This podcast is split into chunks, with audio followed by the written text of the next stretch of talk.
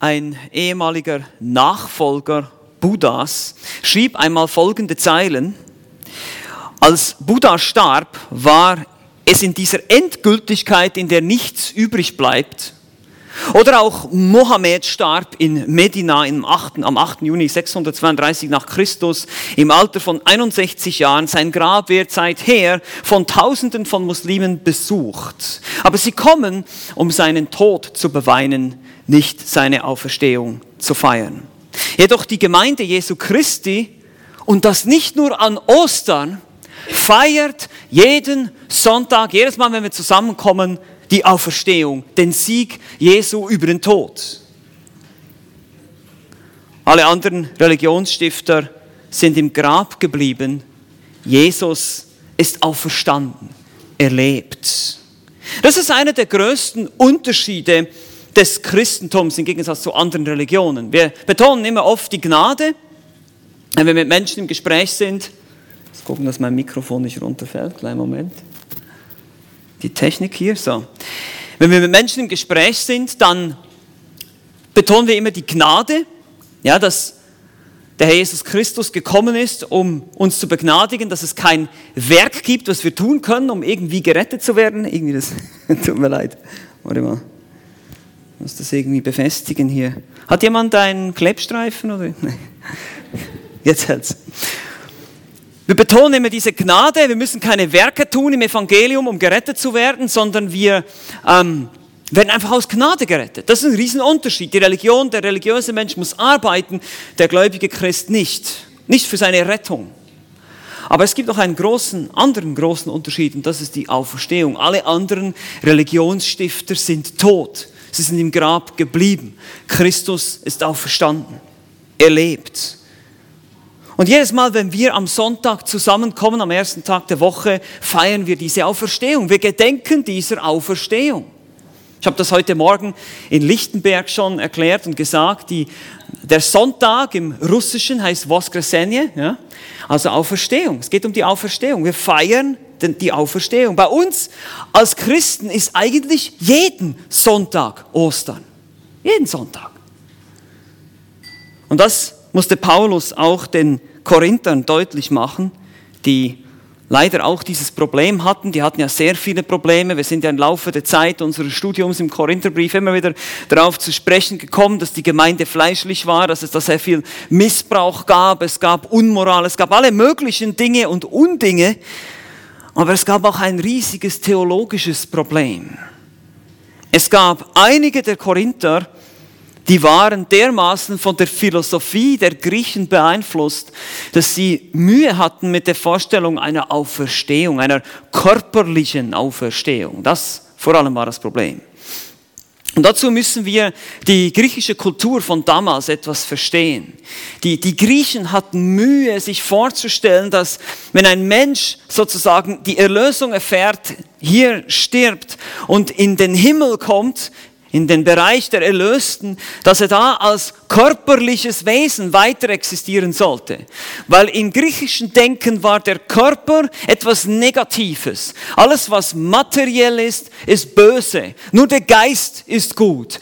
Und das Ziel des Menschen ist es, aus diesem Körper, der wie ein Gefängnis war, befreit zu werden, um endlich frei zu sein als Geist. Das war die griechische Vorstellung der Erlösung. Und jetzt, wenn jemand kommt und sagt, wir werden auferstehen mit Leibern, mit Körpern. Wir werden auf einer neuen Erde umhergehen, die mit Bäumen und Bergen und einer riesigen Stadt, dem neuen Jerusalem, bestückt sein wird. Und wir werden da mit Körpern herumlaufen. Dann war das für die Griechen eine sehr schlimme, schreckliche Vorstellung. Was? Für immer und ewig in diesem Körper gefangen sein? In diesem Gefängnis? Ich will frei sein. Ich will ein Geist sein.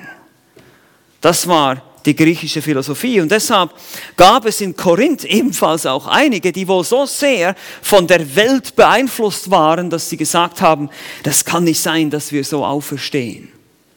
Wir sehen das, wenn ihr 1. Korinther Kapitel 15 schon aufgeschlagen habt, seht ihr das in Vers 12.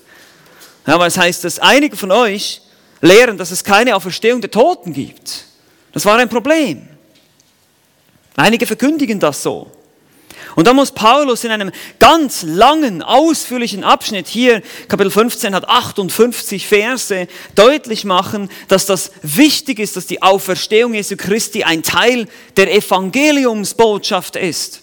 Und dass es ohne die Auferstehung Jesu Christi auch keine Auferstehung der Toten gibt. Von uns, dass wir auch keine Hoffnung haben, aufzuerstehen eines Tages, wenn Christus nicht auferstanden ist. Und da gab es sicher noch einige, die ganz kritisch waren, die gesagt haben, na ja, wie soll denn das genau gehen, wenn wir da mit einem Körper daherkommen? Ihr könnt euch vielleicht erinnern, zum Beispiel gab es zu, Jüd äh, zur Zeiten, als Jesus ähm, seinen Dienst hatte, gab es die, die Sadduzäer, die auch gesagt haben, naja, was ist, wenn jemand eine Frau hat und dann stirbt er und dann sein Bruder hat diese Frau und dann stirbt er auch und dann, das war die Schwagerehe, dann haben sie sieben, haben sie gehabt. Wessen Frau wird sie sein dann in der Auferstehung? Die haben sich auch lustig gemacht darüber. Aber wie soll denn das gehen? Und Jesus sagt, ihr versteht weder die Schrift noch die Kraft Gottes. Das sind andere Körper. Das sind andere Leiber, die ihr da haben werdet. Das sind nicht dieselben, wie ihr jetzt habt. Und darüber muss Paulus sie ebenfalls belehren in diesem Kapitel. Es gibt himmlische Leiber, es gibt irdische Leiber. Und ihr werdet, das Verwesliche wird vergehen und es wird unverweslich auferstehen. Es wird neuer Leib sein. Aber es wird ein Leib sein. Und Paulus hat diese Probleme schon gehabt, als er auch den Athenern über die Auferstehung gepredigt hat in Apostelgeschichte 17. Sie haben ihn ausgehört, er konnte alles Mögliche erzählen, bis zu dem Zeitpunkt, wo es, wo es heißt, indem er ihn aus dem Toten auferweckt hat. Und dann hieß es plötzlich, was? Auferstehung der Toten? So ein Unsinn. Da heißt es in Vers 32, als sie aber von der Auferstehung der Toten hörten, spotteten die ein. Also hier sehen wir so, die, die Griechen hatten enorm Mühe damit. Athen ist übrigens nicht wirklich weit weg von Korinth, ungefähr 100 Kilometer. Und Athen war auch das philosophische Zentrum, das Denkzentrum der Philosophen. Und Korinth war definitiv davon angesteckt. So wie so eine Krankheit, ja, hat so übergriffen, ja, rübergegriffen auf diese Stadt. Und leider auch in die Gemeinde hinein. Und so sehen wir, wie die Gemeinde in Korinth durch ihr Denken beeinflusst von der Kultur theologisch falsche Schlüsse zieht. Ist das neu? Nein. Das sehen wir eben, wie gesagt, vor knapp 2000 Jahren. Und heute gibt es das immer noch? Ja. Ja, gibt es immer noch. Heute sind es vielleicht andere Dinge. Heute ist es vielleicht der Schöpfungsbericht. Ach, man kann doch nicht an eine Sechs-Tage-Schöpfung, 24 Stunden glauben. Die Wissenschaft hat doch bewiesen. Man weiß doch, es ist immer erstaunlich, was man alles weiß heute. Als könnte man die Evolution im Labor nachvollziehen, als hätte man je äh, im Labor äh, irgendwie einen Blitz in eine Ursuppe einschlagen lassen können, dann steht da ein Mensch draus. Oder irgendwie so ein Einzeller zuerst, der sich dann irgendwie weiterentwickelt. Das hat man nie bewiesen, solche Dinge. Aber man glaubt das einfach, das ist in allen Lehrbüchern, das wird überall so gelehrt, das ist die Kultur und die Christen machen natürlich mit ach ja, das sind dann vielleicht auch Millionen von Jahren da irgendwo dazwischen, zwischen 1. Mose 1, 1 und 2. Nein, sind es nicht. Das ist Kultur. Frauen werden ordiniert und predigen in den Gemeinden. Warum? Das ist Kultur. Das ist Feminismus, das ist die Gleichberechtigung, das ist einfach unser Denken heute. Das ist Kultur. Das hat nichts damit zu tun. Wir müssen biblisch denken. Wir müssen schauen, was die Wahrheit ist. Und genauso muss Paulus hier die Korinther über die Auferstehung belehren und sagen, Leute, ihr habt es nicht verstanden. Und wie beginnt er hier? Nun, in den Versen 1 bis 11 beginnt er sie eigentlich daran zu erinnern, was er ihnen bereits verkündigt hat. Und er zeigt ihnen auf, ihr habt das geglaubt. Von Anfang an. Ich habe euch von Anfang an nie irgendwas anderes erzählt. Und auch alle anderen Apostel erzählen nichts anderes, als dass sie Zeugen sind der Auferstehung. Diese Lehre habt ihr geglaubt und ihr wurde durch diese Lehre gerettet, es sei denn, ihr habt umsonst geglaubt. Es sei denn, ihr seid nur Mitläufer. Ihr seht hier, dass er den Glauben einiger Korinther tatsächlich anzweifelt, weil das eine heilsnotwendige Lehre ist. Die Auferstehung Jesu Christi ist eine sehr zentrale Lehre des Evangeliums. Und daran erinnert sie Paulus jetzt hier in den Versen 1 bis 11. Lasst uns die gemeinsam lesen. 1. Korinther 15, die Verse 1 bis 11. Ich tue euch aber kund, Brüder, das Evangelium, das ich euch verkündigt habe, das ihr auch angenommen habt, in dem ihr auch steht, durch das ihr auch gerettet werdet, wenn ihr an dem Wort festhaltet, das ich euch verkündigt habe. Es sei denn, dass ihr vergeblich geglaubt habt. Denn ich habe euch zuerst überliefert, was ich auch empfangen habe, dass Christus für unsere Sünden gestorben ist nach den Schriften, dass er begraben wurde und dass er auferweckt worden ist am dritten Tag nach den Schriften. Und dass er Kephas erschienen ist, dann den Zwölfen. Danach erschien er mehr als 500 Brüdern auf einmal, von denen die meisten bis jetzt übrig geblieben sind, einige aber auch entschlafen. Danach erschien er Jakobus, dann den Aposteln allen. Am letzten aber von allen, gleichsam der unzeitigen Geburt, erschien er auch mir. Denn ich bin der geringste der Apostel, der ich nicht wert bin, ein Apostel genannt zu werden, weil ich die Versammlung Gottes verfolgt habe. Aber durch Gottes Gnade bin ich, was ich bin. Und seine Gnade gegen mich ist nicht vergeblich gewesen, sondern ich habe viel mehr gearbeitet als sie alle. Nicht aber ich, sondern die Gnade Gottes, die mit mir war. Sei ich es nun, seien es jene, so predigen wir und so habt ihr geglaubt. Ihr seht diese, so habt ihr geglaubt. Ihr habt es bekannt. Ihr habt das, ihr wurdet dadurch gerettet. Ihr habt es angenommen. Das ist der Grund, warum ihr überhaupt da seid, wo ihr jetzt seid, sagt Paulus. Und er erinnert sie daran. Das ist die primäre Absicht, die er verfolgt. Die primäre Absicht, die Erinnerung an diese Dinge, die die Korinther behaupteten zu glauben. Aber gleichzeitig für uns heute liefert dieser Abschnitt in, in einer gewissen Weise Argumente oder Beweise für die Auferstehung. Wie gesagt, ich betone, das war nicht die erste Absicht von Paulus. Er erinnert sie mir daran. Guckt, ich habe euch das verkündigt. Ihr wisst diese Tatsachen, ihr kennt diese Tatsachen. Und deshalb, warum, wie könnt ihr jetzt wieder irgendwas anderes lehren? Wie gesagt, die Antwort ist, sie hörten auf die Kultur, auf die Welt um sie herum. Und so muss er sie erinnern an diese Dinge. Wir haben hier von uns, für uns heute auch als Ermutigung, fünf unmissverständliche Beweise für die Wahrheit der Auferstehung. Fünf Beweise oder Argumente, die zeigen, dass die Auferstehung nicht einfach ein Märchen ist, sondern eine Tatsache auf historischen Tatsachen beruhend. Und wenn du heute hier bist und noch kein Christ bist, dann ist vielleicht das ein Moment für dich jetzt nachzudenken, dass diese Auferstehung nicht einfach so eine erfundene Verschwörungsgeschichte ist von irgendwelchen Verschwörungstheoretikern aus dem ersten Jahrhundert, sondern dass das eine Tatsache ist, es wirklich geschehen ist und dass diese Augenzeugenberichte wirklich alle übereinander, miteinander einstimmen, übereinstimmen. Und wenn du hier bist und Christ bist, dann ist das einfach eine weitere Ermutigung für dich. Und ich hoffe, dass es eine Ermutigung ist für dich zu sehen, dass dein Glaube, wir sagen so schön, Hand und Fuß hat. Das beruht auf Tatsachen. Das ist geschehen. In Zeit und Raum hat sich das abgespielt. Christus ist auferstanden. Er war erkennbar. Er hatte einen Leib. Man konnte seine Nägelmale berühren. Er ist, er hat gegessen. Er war ein echter Mensch nach der Auferstehung. Und so wirst du auch eines Tages sein, nach deiner Auferstehung, wenn du an Christus glaubst. Wir werden nicht irgendwelche Gespenster sein, die irgendwo rumfliegen, sondern wir werden Körper haben im Himmel. Wir sind dazu bestimmt. Der Mensch ist ein, ist ein Wesen aus Körper und Geist. Das beides gehört beides dazu. Und wir müssen auch heute uns vor der griechischen Sichtweise, es gibt viel zu viele Denkweisen, dass der Himmel irgendwie so was ist, wo wir dann nur noch so Geister sind und dann so auf Wolke 7 die Harfe spielen. Das ist Unsinn. Das ist griechisches Denken. Und genauso waren die Korinther auch. Und wir wollen auch davon wegkommen. Wir wollen verstehen, warum ist eine körperliche Auferstehung so wichtig. Und erstmal hier natürlich, was für Argumente bringt Paulus? Nun, das erste Argument, das er hier bringt, ist die lebendige Gemeinde. Die ersten zwei Verse. Er tut ihnen kund. Einige Übersetzungen sagt auch, sagen auch, er erinnert sie daran. An was? An das Evangelium, an die gute Botschaft, die sie gehört haben. Diese gute Nachricht, dass Christus auf die Welt gekommen ist und gestorben ist für unsere Sünde, aber eben auch auferstanden ist. Ihr habt es angenommen. Ihr steht darin, sagt er. Ihr lebt durch die Gnade. Ihr lebt im Evangelium. Das ist nicht etwas, was ihr am Anfang in eures, eurem Christsein glaubt und dann glaubt ihr das Evangelium. Ja, super, ich habe Sündenvergebung, danke Herr, und dann stellst du es irgendwo in die Ecke.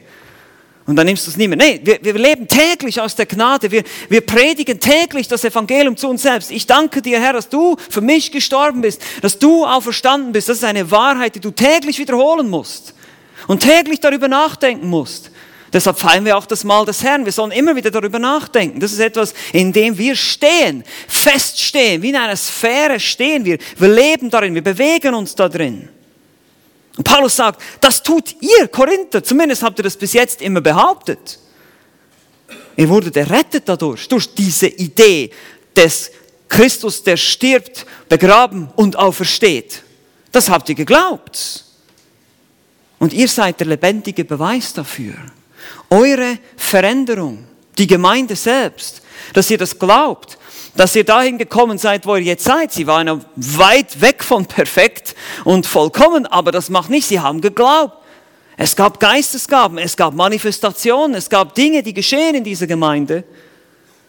Und der Geist wirkte.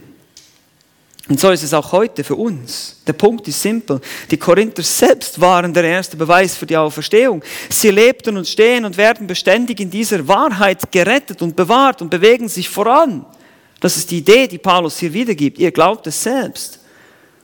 Und so ist es bis heute. 2000 Jahre Kirchengeschichte und die Gemeinde Jesu hat alles überstanden. Nun, es gab sehr viel Bekennertum und, und Organisat also wie sagt man, institutionalisierte Kirche, ja, die, die jetzt nicht wirklich was mit dem Glauben zu tun hat, aber wir sehen, dass es hier Verfolgung gab, es gab Irrlehre, es gab Angriffe von innen und außen, Untreue, Skeptizismus, Bibelkritik, alles hämmerte immer wieder gegen das Christentum und wir sind immer noch da. Die Gemeinde Jesu Christi ist immer noch da. Die Bibel ist immer noch da. Sie wurde bewahrt über die Jahrhunderte. Das alleine ist schon ein Beweis. Die Gemeinde selbst, die lebendige Gemeinde. Weil eine lebendige Gemeinde kann nur lebendig sein, wenn sie einen lebendigen Christus hat, an den sie glaubt. Christus kann uns nicht verändern, wenn er tot ist, wenn er nicht lebt. Und deshalb seid ihr, Korinther, sagt Paulus, der Beweis, der erste. Der zweite hier, das zweite Argument, der zweite Beweis ist die Heilige Schrift. Verse 3 bis 4, denn ich habe euch zuerst überliefert und hier bringt er jetzt den Inhalt des Evangeliums, was ich empfangen habe, was er empfangen hat von Christus, was auch übereinstimmt mit der Lehre der anderen Apostel, dass Christus für unsere Sünden gestorben ist nach den Schriften, dass er begraben wurde, dass er auferweckt worden ist am dritten Tage nach den Schriften. Wie gesagt, hier Paulus macht deutlich, sind nicht seine eigenen Ideen, er überliefert, was Christus ihm offenbart hat. Wir sehen es in Galater 1. Er hatte eine Begegnung mit dem Auferstandenen, auch in Apostelgeschichte 9. Und der Inhalt hier ist interessant. Christus starb für unsere Sünden. Wie schon gesagt, wir betonen immer diesen Teil. Aber dann heißt es, er wurde begraben. Das heißt, er war wirklich tot. Er war nicht scheintot, er war nicht im Koma oder irgendwie sowas. Nein, er war wirklich tot. Da waren römische Soldaten, die geprüft haben, ob er wirklich tot ist, die verstanden ihr Handwerk, diese Leute. Die wussten, wann jemand tot war und wann jemand nur ohnmächtig war und sie legten ihn in ein Grab, wie es vorausgesagt wurde. Und er wurde auferweckt am dritten Tag. Das gehört zum Kern des Evangeliums. Wann immer du das Evangelium verkündigst, solltest du nicht nur davon sprechen, dass Christus für unsere Sünden gestorben ist, sondern dass er auch auferstanden ist und dass er lebt. Das gehört auch zum Evangelium. Das ist das Evangelium, was Paulus den Korinthern überliefert hat, sagt er hier. Christi Tod am Kreuz, seine, sein Begräbnis und seine Auferstehung. Wurde begraben und er ist auferweckt worden. Aber interessant hier ist, das Ganze wird zweimal betont, nach den Schriften, gemäß den Schriften. Und diese Dinge wurden im Alten Testament alle vorausgesagt. Der Tod beispielsweise in Jesaja 53. Die Auferstehung war im Alten Testament eine beständige Hoffnung von Anfang an.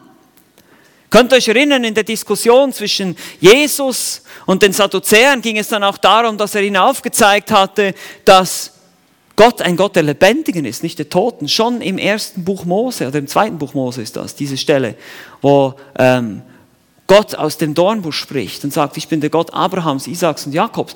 Er ist ein Gott der Lebendigen, nicht der Toten, sagt er. Selbst in den fünf Büchern Mose findet ihr schon Hinweise auf die Auferstehung. Und dann haben wir natürlich solche Stellen wie Psalm 16, die deutlich von der Auferstehung des Messias sprechen, wie dann Petrus das erklärt in Apostelgeschichte 2.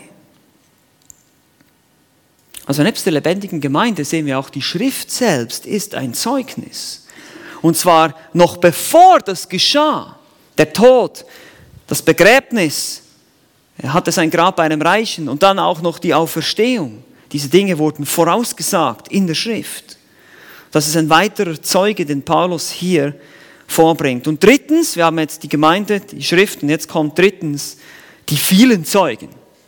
Ja, Verse 5 bis 7. Hier haben wir diese Augenzeugen. Wann immer etwas geschieht, wann immer ein Verbrechen geschieht in unserer Gesellschaft, das Erste, wonach wir fragen, ist, gab es Augenzeugen? Hat es jemand gesehen? Gibt es jemanden, der uns beschreiben, den Täter beschreiben kann zum Beispiel? Wie sieht es aus? Wie sah er aus? Und so haben wir hier auch Augenzeugen, die aufgeführt werden. Kephas, das ist der aramäische Name für Petrus. Das ist Petrus selbst, der ihn gesehen hat. Das war eine Erscheinung für ihn persönlich wohl nach Maria Magdalena in Johannes 20, aber noch vor den Emmaus-Jüngern, also scheint Petrus da auch schon eine Begegnung gehabt zu haben. Dann werden die Zwölf genannt, damit sind wohl die Elf gemeint, aber die immer als die Zwölf bezeichnet wurden, die am Ostermorgen versammelt waren und sich versteckten und dann tritt Jesus mitten unter sie, auch in Johannes 20 können wir das nachlesen. Dann sehen wir die 500 Brüder und das ist wichtig, auf einmal. Ja, alle, mehr als 500 Brüder auf einmal, gleichzeitig haben diese Leute Jesus gesehen, den Auferstandenen. Und wie groß ist die Wahrscheinlichkeit, dass 500 Menschen gleichzeitig halluzinieren? Relativ klein, oder? Das sind 500 Leute und zur damaligen Zeit, als der Korintherbrief geschrieben wurde, das waren so 20 Jahre, 25 Jahre später nach diesen Geschehnissen, konnte man diese Leute immer noch befragen. Die waren noch am Leben. Die meisten von ihnen, sagt Paulus. Einige sind entschlafen, das heißt, sie sind gestorben. Aber die meisten sind noch am Leben, die kann man noch befragen. Ihr könnt sie selber befragen. Korinther. Also diese Leute haben immer wieder bezeugt, zeigt es auch auf. Man konnte sie befragen, die haben ihre Geschichte dann nicht plötzlich revidiert und gesagt, naja gut, jetzt sind wir nicht mehr so ganz sicher, sondern diese Leute waren immer noch da, man konnte sie befragen. Da wird auch noch Jakobus, der Halbbruder des Herrn, ist das wahrscheinlich hier. Er wird gesondert erwähnt, der Autor des Jakobusbriefs und dann wieder alle Apostel. Weil Jesus erschien den Aposteln über einen Zeitraum von 40 Tagen, sehen wir in der Apostelgeschichte, immer wieder. Es gab wiederholte Erscheinungen des Auferstandenen. Ich habe schon gesagt, er hat mit ihnen gegessen, er hat vor ihnen einen Fisch gegessen, er hat Dinge getan, er hat ihnen das einfach aufgezeigt. Er ließ Thomas seine Nägelmale fühlen und solche Dinge.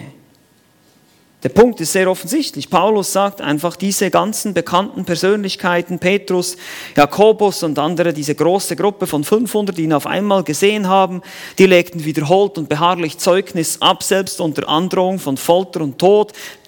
Ich meine, ihr müsst euch mal vorstellen, Paulus hat diese Leute selber verfolgt, er hat das selber gesehen. Er zwang sie, schwör dem Glauben ab, er zwang sie zu lästern, heißt es. Aber Sie taten es nicht. Sie haben wiederholt gesagt, nein, Jesus ist auferstanden. Ich glaube, dass ich sage diesem Glauben nicht ab. Er hat diese Beherrlichkeit dieser Leute auch gesehen, als er die Gemeinde noch verfolgt hat. Da bin ich überzeugt. Paulus hat es erlebt und schließlich ist er natürlich dann selber zum Glauben gekommen. Und so hat Christus weder sein Tod noch seine Auferstehung war irgendwo in einer versteckten Ecke, so dass es niemand sehen konnte, sondern das war ganz öffentlich. Jeder konnte sehen, dass Christus gestorben ist. Und jeder konnte sehen, dass er auch verstanden ist. Zumindest von diesen Jüngern, von diesen Zeugen hier, die aufgerufen werden. Diese Leute haben es alle bezeugt. Über eine längere Zeit. 40 Tage. Und dann ist er in den Himmel aufgefahren. Lesen wir Apostelgeschichte 1.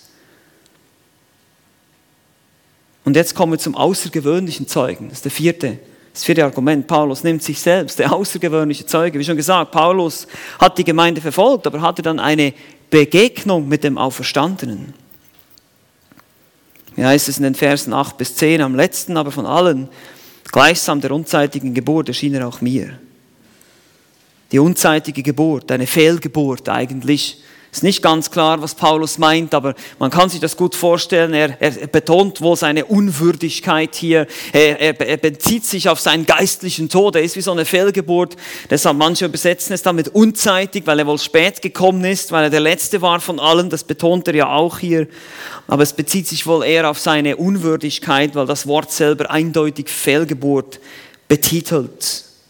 Wir können das in Apostelgeschichte 9 nachlesen, als er auf dem Weg nach Damaskus war und dann diese Stimme zu ihm spricht, dieses Licht plötzlich um ihn strahlt und ihn zu Boden wirft und er dann diese Stimme hört. ich bin Jesus, denn du verfolgst. Ein Toter spricht nicht mit dir. Jesus lebt, deshalb spricht er mit ihm. Und genau das sagt Paulus. Jesus hat mit mir selber gesprochen, ich habe ihn gehört, er, der lebt. Das ist genau sein Punkt hier. Er erschien auch mir. Und ich bin nicht würdig, ein Apostel zu heißen. Ich bin der geringste unter den Aposteln. Warum? Weil ich habe die Gemeinde verfolgt. Aber dieses erstaunliche Zeugnis, diese, diese Wandlung, ihr kennt ja den Spruch, vom Saulus zum Paulus, ja, von wirklich 180 Grad Wende, wirklich vom extremen Christen, Hasser, Verfolger, Mörder zum feurigsten evangelistischen Prediger und Schreiber des Neuen Testaments. Unglaublich. Und das soll eine Lüge bewirkt haben, eine eine Verschwörung von den Jüngern, die den Leichnam Jesu versteckt haben und angegeben haben, er sei ja verstanden? Echt? Ist das realistisch? Ich denke nicht. Und deshalb sagt Paulus auch, hier nimmt sich selber als Beispiel und schaut, nicht nur, nicht nur die anderen Apostel, auch ich bin genauso ein Zeugnis von diesem lebendigen Christus, wie er mir begegnet ist und wie ich eine Begegnung hatte mit ihm und er mich verändert hat. Und durch Gottes Gnade bin ich, was ich bin, betonte dann. Er sagt, die Gnade Gottes ist nicht vergeblich gewesen, leer gewesen, ohne Sinn. Und ich habe viel mehr gearbeitet als alle anderen, aber das ist hier nicht im Stolz gemeint, sondern er will Gott noch mehr die Ehre geben. Er sagt, aber die Gnade Gottes, die in mir ist, hat das bewirkt. Ja, aber ihr könnt in 2. Korinther Kapitel 11 könnt ihr nachlesen, wie viel Paulus erlebt hat. Er war in Gefängnissen, er wurde gesteinigt, er hat Schiffbruch erlitten, er, wurde, er war oftmals auf Reisen, er erlitt Schläge, Gefahren, Hunger, Durst, Arbeit, Mühe, Nachtwachen. All diese Dinge werden da aufgezählt. Und das alles erlitt Paulus und machte er durch und er gab die Hoffnung nicht auf, weil er an eine Lüge glaubte weil er keine echte Begegnung hatte, sondern nur das so tat, als ob? Ich glaube nicht. Nicht aber ich, sondern die Gnade Gottes, die mit mir war oder die mit mir ist. Die Gnade Gottes mit mir heißt es hier wörtlich nur. Die Gnade Gottes wie so ein Begleiter. Gott ist immer da, er begleitet mich in seiner großen Gnade, weil von mir aus könnte ich sowieso nichts tun. Er war sich bewusst, dass alle seine Werke nur vorbereitet waren wir das in Epheser 2, Vers 10 sehen. Das Zeugnis des außergewöhnlichen Zeugen Paulus, der die Gemeinde verfolgte und sich so geändert hatte, eine Karriere als Pharisäer in den Wind geschlagen hat und bereit war, selber Verfolgung zu erleiden. Das ist ein Zeugnis und solche Zeugnisse gibt es auch heute noch, nicht nur bei Paulus. Wir haben auch unter uns solche Zeugnisse von Menschen, die das pure Gegenteil waren und heute ganz anders sind und sich völlig verändert haben. Das ist ein weiterer Beweis, dass Christus auferstanden ist, weil diese Auferstehungskraft in uns wirkt. Das heißt, wir sind mit Christus gestorben und mit ihm auferstanden. Ja, das drücken wir auch aus durch die Taufe. Wir, wir sterben, wir werden in ihn hineingetaucht, wir tauchen wieder auf und wir sind mit ihm gestorben, wir sind mit ihm auferstanden. Und das ist diese Kraft, dieses Neue, wir sind eine neue Schöpfung, sagt Paulus. Wir sind nicht das Alte. Das Alte ist vergangen, das ist weg. Ein toter Christus könnte sowas nicht bewirken. Er lebt. Die schlimmsten Sünder, die schlimmsten Verfolger, die schlimmsten Mörder werden plötzlich zu Christen. Aber wir haben noch einen fünften Beweis hier. Wir haben die Gemeinde, wir haben die Schrift, wir haben die Zeugen, wir haben den außergewöhnlichen Zeugen. Jetzt haben wir noch fünftens die einheitliche Botschaft. Vers 11. Paulus rundet das Ganze ab, er kommt über diese verschiedenen Zeugen, über die Augenzeugen, über die Schrift zu sprechen, die Gemeinde, die Auswirkungen der Gemeinde selbst und er kommt zurück und sagt, sei ich es nun oder seien es jene, diese anderen Zeugen, wir predigen so und so habt ihr geglaubt. Er sagt im Prinzip, wir alle predigen dasselbe. Es gibt keine Unterschiede zwischen mir und vielleicht ist da sogar noch diese Problematik zwischen mir und Apollos. Ja, es gibt ja diese Parteiungen da in Korinth. Es gibt keinen Unterschied zwischen dem, was ich predige oder Apollos oder eben auch Kephas, Petrus. Es gab ja auch eine Petrus-Partei da in Korinth. Ja. Nee, das ist, wir haben eine einheitliche Botschaft. Wir sagen alle dasselbe, weil wir haben alle dasselbe gesehen. Wir haben alle dasselbe gesehen. Wir haben alle denselben auferstandenen Jesus gesehen. Deshalb predigen wir auch alle denselben auferstandenen Jesus. Versteht ihr das? Das ist wie Paulus hier mit ihnen versucht zu argumentieren und sagt, Leute, bitte, ihr müsst an diese Auferstehung glauben, sonst seid ihr verloren. Und so ist es auch heute. Das schriftliche Zeugnis der vier Evangelisten zum Beispiel, Matthäus, Markus, Lukas und Johannes, dieses schriftliche Zeugnis, das sind Augenzeugenberichte und die stimmen überein. Ja, sie weichen auch ein bisschen voneinander ab. Und das ist genau das, was viele Bibelkritiker ja oft benutzen, habt ihr bestimmt schon gehört. Naja, da heißt es im einen Evangelium, das waren zwei Blinde und im anderen war es nur ein Blinder. Ja, wie das Widerspruch. Ja. Dabei ist es so, dass ein Augenzeugenbericht oder wenn es sich um Augenzeugenberichte handelt, dass man genau das erwartet. Man könnte, ich empfehle euch mal dieses Buch von Lee Strobel zu lesen, Der Fall Jesus, gibt es auch auf Deutsch, es gibt sogar einen Film dazu. Ein Reporter, der sehr kritisch war, seine Frau kam zum Glauben, die Geschichte, und, und er machte sich auf die Suche nach Beweisen über, die, über Christus und die Evangelisten und natürlich auch die Auferstehung, aber auch all die anderen Berichte. Und er ist genau zu diesem Punkt gekommen, diese, diese Augenzeugenberichte von diesen Leuten, das waren Leute, die das Wissen und die Bildung hatten, diese Zeugnisse zu schreiben. Sie hatten einen edlen Charakter, ein makelloses Leben. Das waren nicht irgendwelche ruchlosen Leute, man wusste das. Das war bekannt. Sie waren einheitlich, aber nicht so, dass man eben das Gefühl bekommt, die haben sich miteinander abgesprochen. Die haben voneinander abgeschrieben, ja. Matthäus hat von Markus abgeschrieben und hat dann noch Q dazu benutzt. Nein, das ist Unsinn. Das sind Augenzeugenberichte. Und deshalb weichen die leicht voneinander ab und das stimmt eben dann aber doch im Großen und Ganzen überein. Und das ist genau das, was man erwartet von einem Augenzeugen. Der eine betont etwas hier, der andere betont einen anderen Schwerpunkt, aber am Ende ist es immer niemals ein Problem, diese zu harmonisieren. Genau das erwartet man. Das ist, was viele als Widerspruch sehen, ist gerade der Beweis für die Echtheit dieser Berichte. Das ist das Spannende. Es ist gerade der Beweis, dass eben diese kleinen, feinen Abweichungen da drin sind. Das zeigt eben, dass es wirklich Leute sind, die ihre, die Dinge aufgeschrieben haben, die sie gesehen haben, die sie erlebt haben. Man erwartet das. Und so gibt es viele andere Kriterien. Ihr könnt euch gerne das Buch mal lesen. Ich habe das auch gelesen. Es ist sehr spannend zu lesen, wie so ein bisschen ein Krimi. Ja, also wenn ihr mal so Lust habt auf sowas. Aber es ist auch ermutigend und erbauend, einfach zu sehen, dein Glaube hat Hand und Fuß. Das Christentum ist das bestbelegte, der, best, der bestbelegte Glauben überhaupt. Wenn man nach Beweisen wirklich sucht, dann kann man sie finden. Das Problem ist nur, die meisten Menschen suchen nicht danach weil sie lieben die Sünde mehr als Gott. Das ist das Problem. Aber sonst gibt es genügend. Es gibt genügend Beweise.